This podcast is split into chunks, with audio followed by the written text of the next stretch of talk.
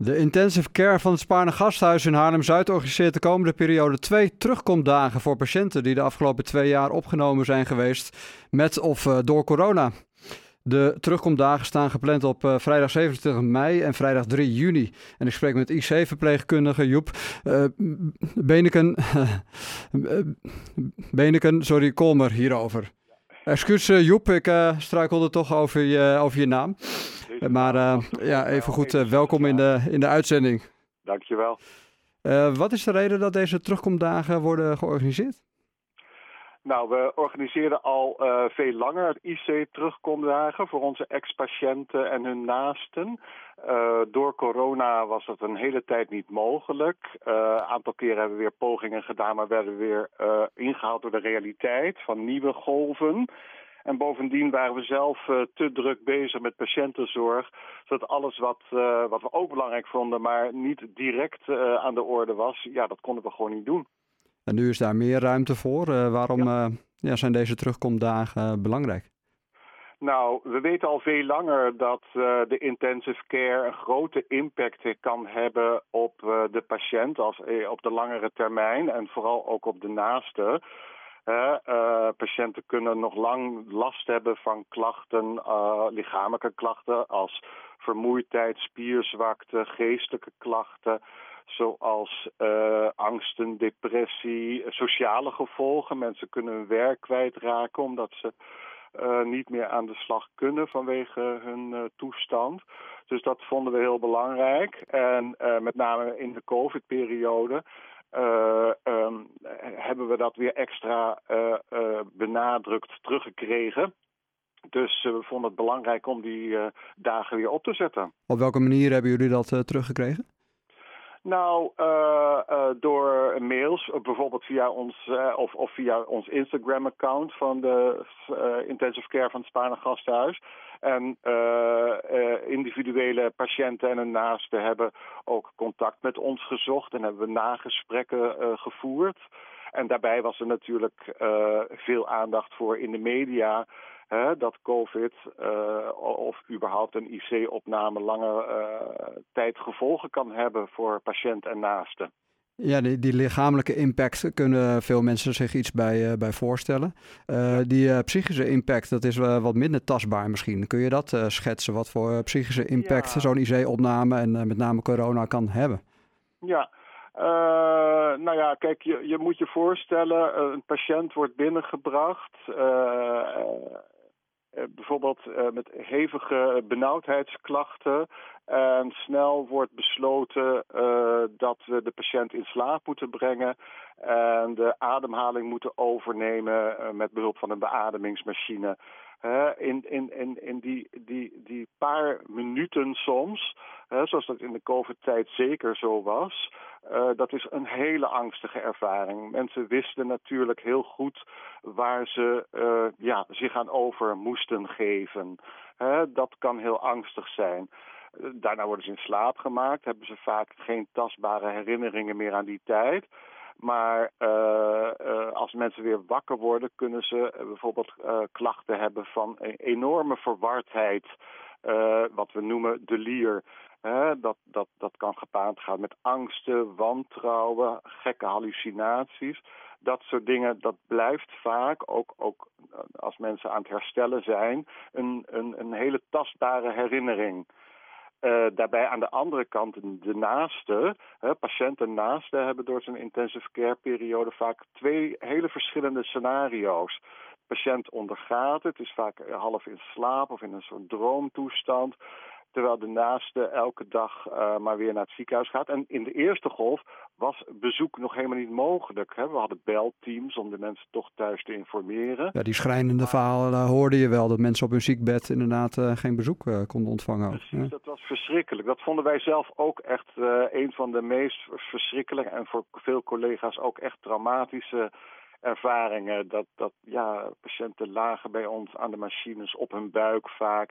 En er was geen bezoek. En vaak door het bezoek krijg je toch hè, uh, uh, veel meer idee wat voor mens er bij ons in het bed lag, zou ik maar zeggen. Dus dat was echt heel naar. Ja. Dus ook voor de, voor, voor de medewerkers en, uh, en de naasten haalde je net al aan.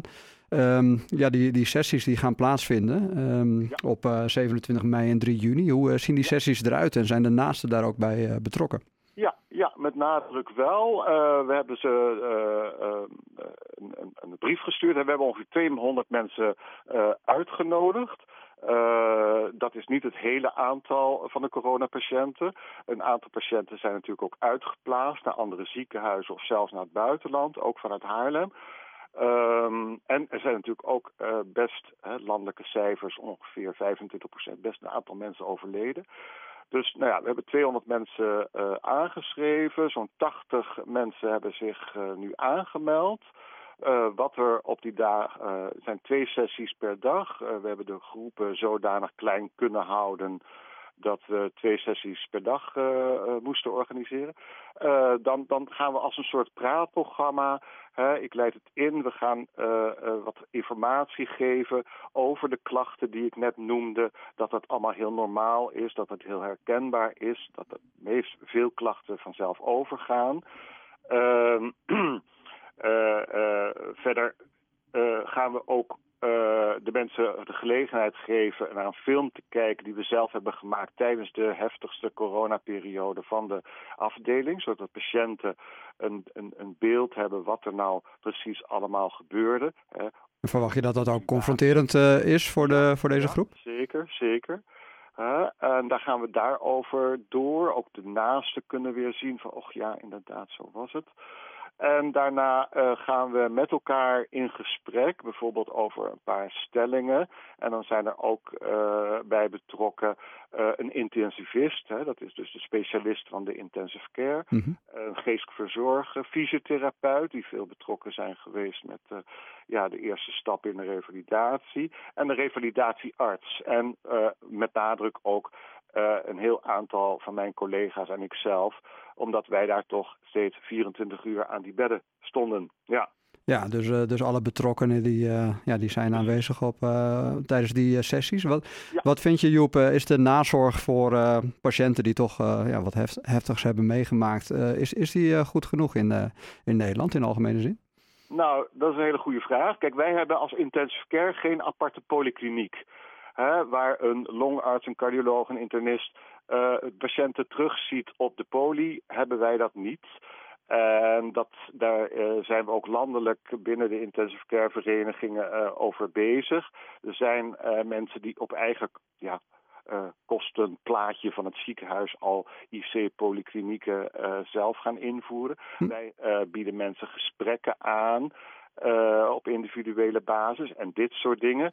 Uh, maar gezien de heftigheid van de klachten en de duur waarop die klachten zouden kunnen aanhangen, zou het nog best uh, beter kunnen. En daar is de landelijke vereniging van IC Connect, uh, van, van, van een patiëntenvereniging die heet IC Connect, is daar heel erg mee bezig. En wij als beroepsgroep zijn daar ook heel erg mee bezig. En, en welke stappen zijn daar al, sorry, welke stappen zijn daar al in gezet? Nou, uh, bijvoorbeeld wat ik noemde, uh, hè, sommige ziekenhuizen hebben in ieder geval al IC-polyklinieken.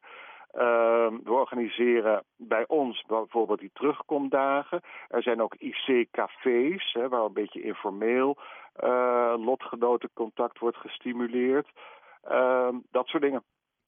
Duidelijk. Uh, in een ander eh, interview uh, van jou heb ik gelezen dat, uh, dat jij staat voor het vermenselijken van de intensive care. En dat je ook een, met een werkgroep bezig bent geweest. Ja. Dat interview kwam al uit 2018. Maar ik ben toch even benieuwd, hè, in hoeverre zijn jullie hierin geslaagd?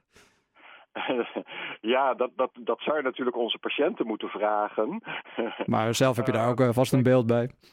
Ja, nou, uh, uh, laat ik in ieder geval zeggen dat de mensen enorm waarderen waar wij mee bezig zijn. En daar, dat, dat, dat ook herkennen. Heel klein dingetje, wat misschien heel weinig uh, ja, lijkt te betekenen. We hebben bij alle bedden een soort bord waar mensen hun persoonlijke dingen uh, uh, van die patiënt zelf kwijt kunnen. Bijvoorbeeld, ik wil bij mijn voornaam genoemd worden. Of mijn hobby's zijn. dit zijn mijn kleinkinderen. Of dit zijn de mensen die belangrijk zijn in mijn leven. Zodat wij als intensive care verpleegkundigen en andere professionals daar met de patiënt en de naaste ook, ook wat, wat, wat, wat diepgang in het contact contact uh, kunnen maken. in die hele medisch-technologische omgeving. Uh, intensive verkeer is vaak toch heel beladen. Mm Proberen we toch een beetje menselijk te maken. Ja, en dat kan met die kleine dingen. Ik kan me voorstellen dat dat inderdaad wat menselijker, dat dan wat menselijker wordt allemaal. En ja, ik, ik heb ja, misschien nog een, we kunnen bijna afronden denk ik, maar ik heb nog wel een wat grotere vraag. En uh, ik weet niet of je die kunt beantwoorden. Maar is het uh, Gasthuis klaar voor een eventuele nieuwe coronagolf... die uh, misschien wel in de, in de herfst weer gaat plaatsvinden? Ja, uh, nou ja, je zegt zelf al, hè, het is niet zozeer bij plaats, omdat uh, uh, in ieder geval hebben we alle draaiboeken. Ehm, de, het, het Spaarne Gashuis heeft het geluk tussen aanhalingstekens in ieder geval twee locaties te hebben. de coronazorg heeft zich steeds geconcentreerd op locatie Haarlem-Zuid. en dan kunnen, hebben we zo georganiseerd dat uh, niet-coronapatiënten in uh, Hoofddorp uh, terecht konden. verder hebben we een groot team. We hebben veel ruimte. Alleen het personeel, zoals je in elk verslag over intensive care kunt lezen, dat blijkt toch heel moeilijk. Worden er op dit moment eigenlijk IC-verpleegkundigen opgeleid? Ja, bij, in, bij het zijn we continu mee bezig. Er starten twee opleidingsgroepen uh, hè, per jaar. Uh, we, u moet zich voorstellen, per half jaar komen er zo'n vier nieuwe cursisten intensive care bij. Het is een zware opleiding. Uh, maar ja, dat, dat proberen we wel te doen. En ja, tegelijkertijd zie je dat alle intensive cares in dezelfde vijver aan het vissen zijn. dus uh, dat, dat blijft een moeilijk punt, het personeel. Kan ik me voorstellen. En dat is uh, helaas een landelijk uh, probleem. Ja, absoluut. Ja, Joep, ik wil je erg bedanken voor, voor je toelichting. En je natuurlijk veel sterkte wensen tijdens deze sessies. En, ja. Zal ik nog, is het nog zinnig om ons mailadres even te noemen? Als mensen informatie willen, dan kunnen ze bij ons terecht. absoluut. Ja, dat is het mailadres IC Terugkomdagen 2022 apenstaartje spaarnegasthuis.nl. Is het ook op de website van het Spaarne Gasthuis te vinden? Want dat is uh, voor sommige luisteraars misschien uh, makkelijker. En, uh, Oké, okay, duidelijk.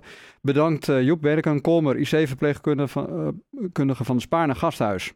Ja, en bedankt voor jullie aandacht hiervoor.